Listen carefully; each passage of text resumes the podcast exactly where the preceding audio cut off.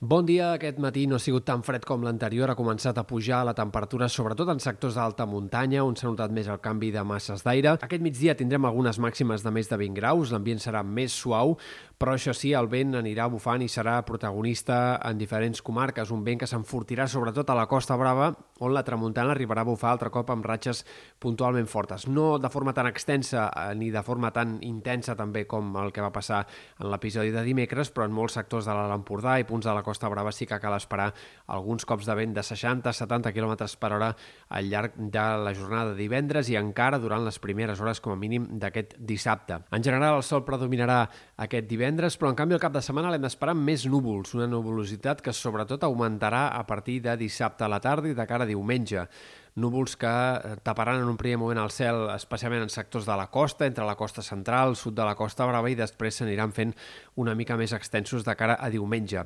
A prop de mar, en aquests sectors, sobretot del litoral central, és on és més probable que hi hagi núvols més compactes, núvols més abundants. A la resta segurament seran núvols més esqueixats que mantindran, en tot cas, el cel enterbolit o mig ennuvolat.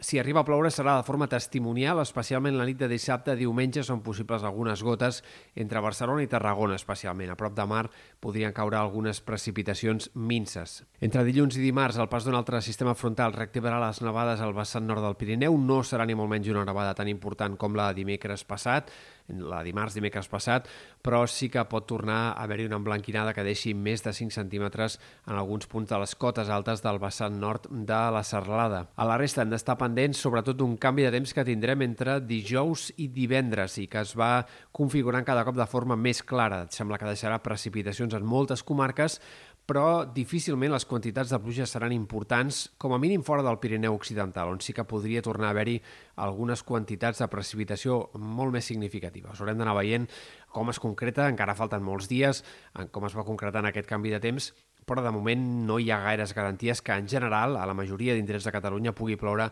amb moltes ganes la setmana que ve. Pel que fa a temperatures, eh, ens instal·larem en aquest ambient de plena tardor durant la pròxima setmana amb alguns alts i baixos del termòmetre, però sense que revifi eh, la temperatura d'una forma clara ni que arribi cap sensació d'estiuet.